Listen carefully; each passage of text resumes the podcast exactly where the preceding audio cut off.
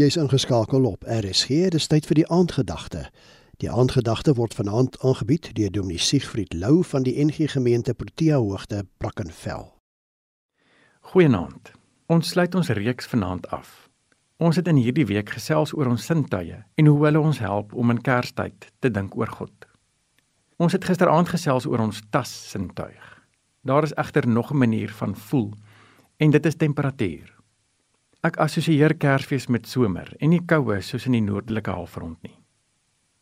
Kerstyd gaan vir my hier in Suid-Afrika gepaard met son, somer, waar lemoen en warmte. Gepraat van warmte. Johannes 1:9 sê: "Die ware lig wat elke mens verlig, was aan die kom na die wêreld."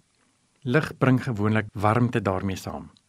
Ek dink sommer aan die Emmausgangers wat jare later, na Jesus se opstanding, saam met hom gestap het.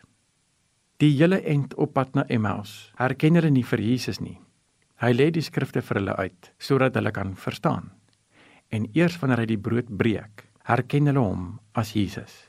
En dan, nadat hulle hom herken het, sê hulle, het ons hart nie warm geword toe hy op die pad met ons gepraat en vir ons die skrif uitgelê het nie.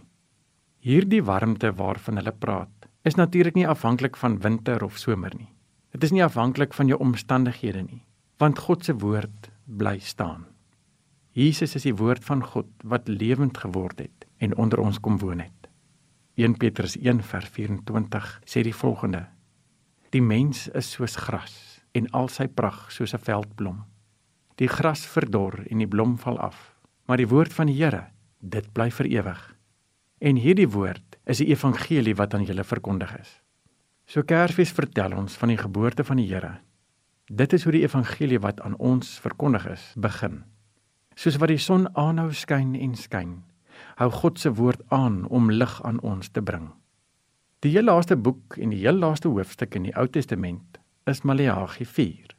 Dit is die laaste profetiese boek in ons Bybel voordat die Nuwe Testament begin. Maleagi 4 vers 2 praat ook van die son. Maar vir julle wat eerbied het vir my naam, sal die son van redding skyn met genesing in sy strale. Julle sal vry word en boksspring soos vetgemaakte kalwers. Mag jy die sagte warmte van God se goeie nuus vanaand en môre beleef. Dit is tog waarvoor Jesus gebore is, sodat ons harte warm kan brand met die goeie nuus van Jesus wat in ons leef. Dit is 'n kaggelvuur wat in ons harte brand wat nie geblus kan word deur ons omstandighede nie. Mag jy hierdie Kersfees herontdek Jy het vry geword en jy kan bokspring van blydskap. Die son van geregtigheid skyn oor ons. Dit was dan die aandgedagte hier op RSG, aangebied deur Dominee Siegfried Lou van die NG Gemeente Protea Hoogte, Brackenfell.